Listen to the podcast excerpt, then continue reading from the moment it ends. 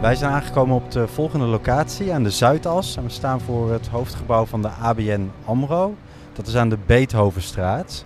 En wat jullie moeten doen is, uh, je fietst over de Beethovenstraat, gaat onder het viaduct van de A10 door en stopt voor het hoofdgebouw van de ABN AMRO. Wij hebben onze fietsen hier neergezet en Ignas gaat het een en ander vertellen over de slechtvalk.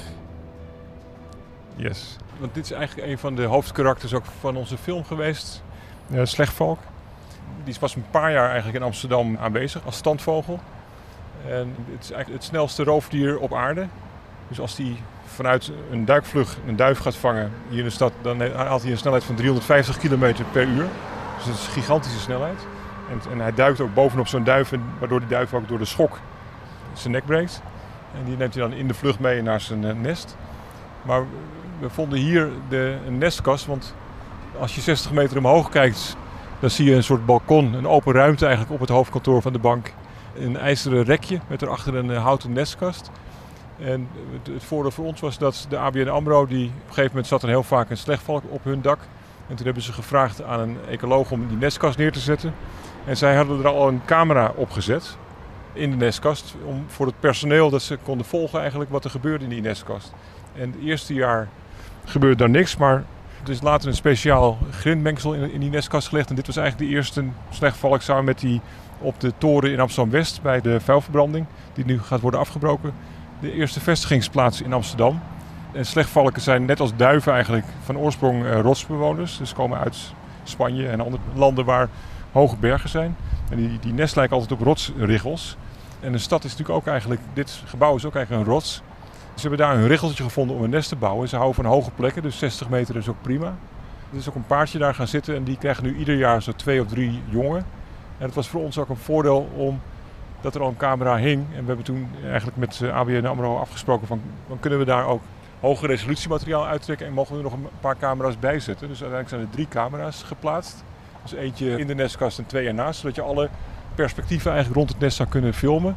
En dat was voor ons een mooie basis eigenlijk om het gedrag van die slechtvalken te gaan volgen. Dus die hebben daar een eitjes gelegd en jongen gekregen. En die, die ouders kwamen aanvliegen met duiven en andere prooien.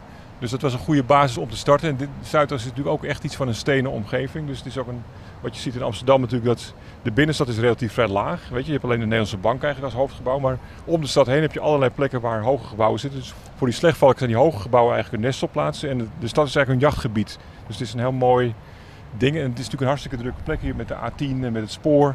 Dus je kon mooie, visueel mooie beelden ook draaien met het nest en met de achtergrond.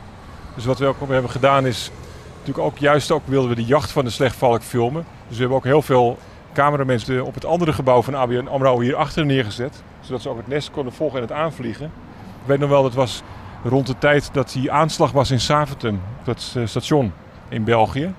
En op een gegeven moment, onze camera stond er met een lange telelens. En dat is een lens van 60 centimeter lang. Dus op een gegeven moment begonnen mensen te bellen vanaf het station. Die stonden te wachten bij Zuid-WTC. Met de politie ook, dat er een sluipschutter op het dak stond van de ABN AMRO. dus, en dat was onze cameraman met een telelens. ja, stond. Dus dat veroorzaakte nog wel enige paniek op het station ook. Eh, van uh, de volgende aanslag uh, in de buurt. Maar het bleek allemaal mee te vallen. Het leverde wel weer een leuk item op AT5 op. Over de film, dus dat ging altijd goed. Maar wat wij wilden doen eigenlijk is, wilden wel echt zo'n jacht ook filmen van zo'n slechtvalk. Dat die met 300 km per uur naar beneden komt en zo'n duifje pakt. Maar dat bleek nog niet mee te vallen eigenlijk. Omdat die beesten die hebben natuurlijk een vrij groot territorium. Die jagen boven de hele stad. En we hebben het wel gefilmd, maar dan zag je dus echt op, op drie kilometer afstand zag je zo'n klein zwart stipje naar beneden vallen. Met een enorme snelheid naar een groepje duiven. Maar dat, dat is natuurlijk voor een film is dat uh, niet echt heel erg aantrekkelijk. Dus we hebben, uiteindelijk hebben we wel daar de close-ups moeten anseneren met een tamme slechtvalk. Want slechtvalk worden heel veel gekweekt voor jacht. In, met name ook in uh, Zuidoost-Azië, in, in Saudi-Arabië. Zo is het echt een, een statusobject, een slechtvalk. Dus in Nederland heb je ook een aantal valkeniers. Dus daar hebben we ook wat aanvullende opnames hier rond de toren mee gemaakt. Om die jacht te kunnen filmen en, uh, en de catch van de duif. Dus dat is allemaal goed gelukt. Het bijzondere ook hiervoor weer is dat er een dier wat in principe niet uit deze omgeving komt, toch deze plek heeft gevonden. En die stad ook helemaal gebruikt eigenlijk als, ja, als biotoop. Dus enerzijds een hoge rots zijnde een flatgebouw als, als broedplek. En het jachtgebied op die duiven. En het mooie is ook van die slechtvalk, die is ook niet kieskeurig. Dus die jaagt nu ook op halsbandparkieten. Dus wij zagen op een gegeven moment ook al die groene veertjes in die, in die nestkast liggen. Dus, dus dat vangt hier inmiddels ook. Dus, dus zo'n slechtvalk is ook weer een prima instandhouder eigenlijk van het, aantal duiven en het aantal halsbandkieten wat in de stad leeft. Dus wat dat betreft heeft het een hele nuttige functie. En je ziet nu ook dat de ABN AMRO had zo'n nestkast, maar toen dacht de ING in Zuidoost van ja, maar dat willen wij ook. Dus er zit nu ook eentje in Zuidoost op de toren van ING en zo. Al die banken willen eigenlijk wel hun eigen slechtvalk hebben. Dus, dus, dus ook wel een grappig uh, ding. Wat ook wel een leuk verhaal is, je ziet daar dat grote groen-gele logo van ABN AMRO. Ze hebben niet de film gesponsord, maar het logo kwam toch functioneel in beeld. Want wat bleek eigenlijk is dat als die slechtvalk, die was druk bezig om prooien te vangen voor zijn jongen.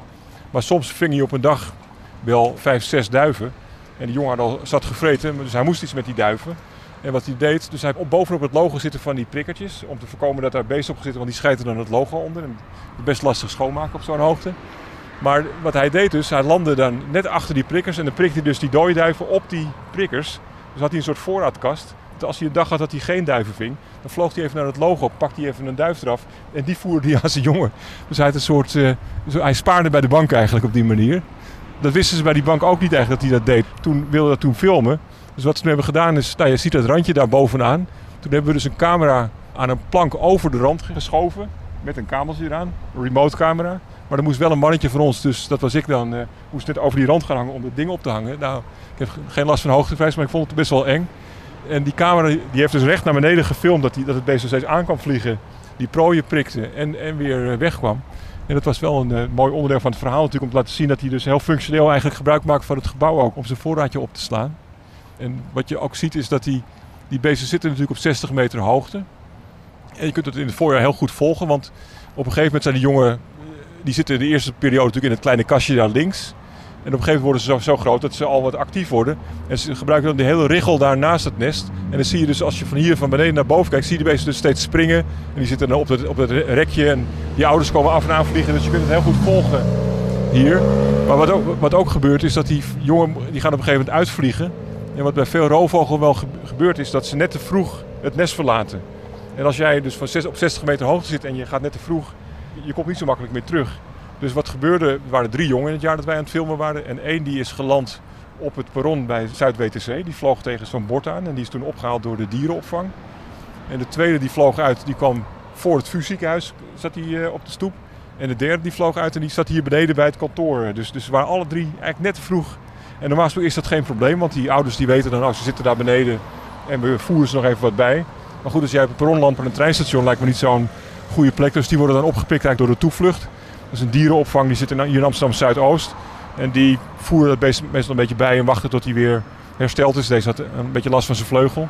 En die is toen later eigenlijk weer in een kattenmandje vervoerd naar het nest, daar neergezet. En toen is hij weggevlogen en was verder allemaal prima. Dus uh, zo helpen die beesten ook een beetje.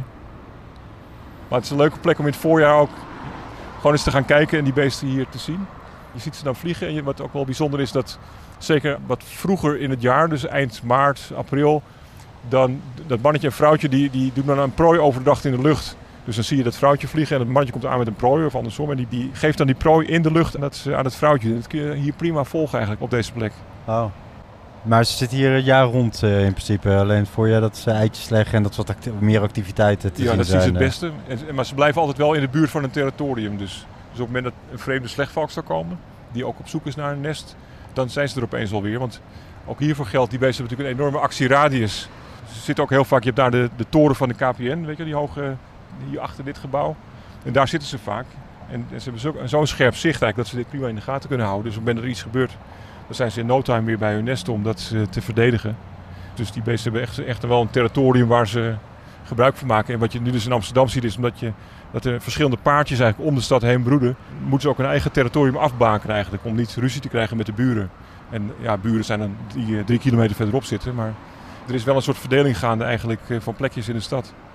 Ja, en is, zijn er nog overeenkomsten die je gevonden hebt? Dit is natuurlijk een stadsomgeving, vergelijkbaar met een natuurlijke rotsomgeving. Mm. Ik kan me voorstellen dat dat gedrag met die voorraadkast ook iets is wat men ziet in een echte rotsomgeving. Of... Ja, vast wel. Ja. Dat, want het, het, is niet uniek, denk ik, wat er gebeurt. Maar alleen wat je wel merkt is dat er vaak weinig onderzoek is gedaan eigenlijk naar dieren. Dus dit was wel iets, een nieuw inzicht eigenlijk wel voor mensen dat, dat die beesten dat op die manier ook doen. Dus het is meer een bevestiging eigenlijk van een vermoeden. Maar dat doen ze natuurlijk in de natuur ook. Want daar zullen ze ook meer prooien vangen dan ze op kunnen.